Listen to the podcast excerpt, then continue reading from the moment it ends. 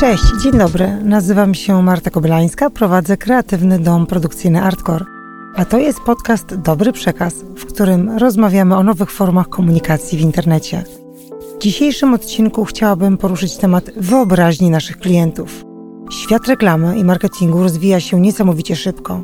I to, co dzisiaj wydaje się nieokreśloną przyszłością, jutro już jest faktem.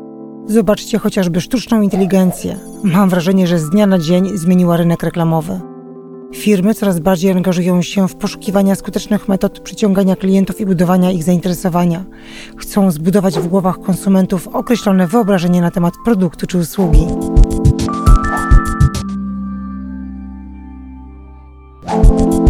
Graficy zachodzą w głowę, jak najlepiej zobrazować produkt, a copywriterzy wymyślają klejmy, które w zasadzie najlepiej w jednym zdaniu powinny pomieścić wszystko.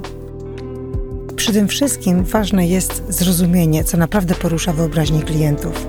Czy słowa, które pobudzają wyobraźnię, czy też obrazy, które mogą szybciej i silniej oddziaływać na zmysły.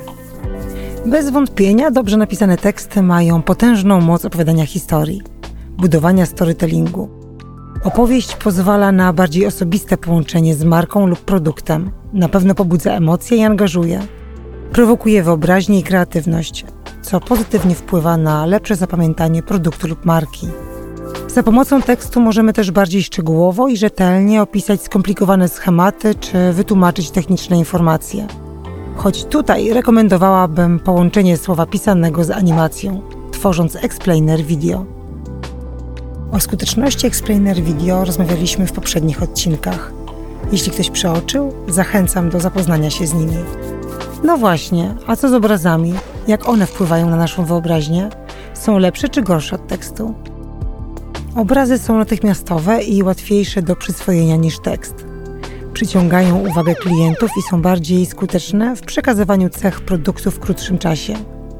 Charakterystyczne logo jest niezapomnianym elementem, z którym klienci utożsamiają daną markę. Obrazy na pewno szybciej budują rozpoznawalność marki i wyróżniają ją na tle konkurencji.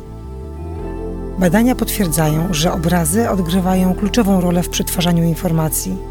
Ich zdolność do szybkiego przyciągania uwagi sprawia, że są potężnym narzędziem w komunikacji marketingowej. Warto jednak pamiętać, że odpowiednie wykorzystanie obrazów dopiero w połączeniu z odpowiednio dobranymi tekstami skutecznie angażuje i porusza wyobraźnię klientów. Nie zapominajmy o tym. Ja nazywam się Marta Koblańska, a to był podcast Dobry Przekaz. Do zobaczenia w kolejnym odcinku.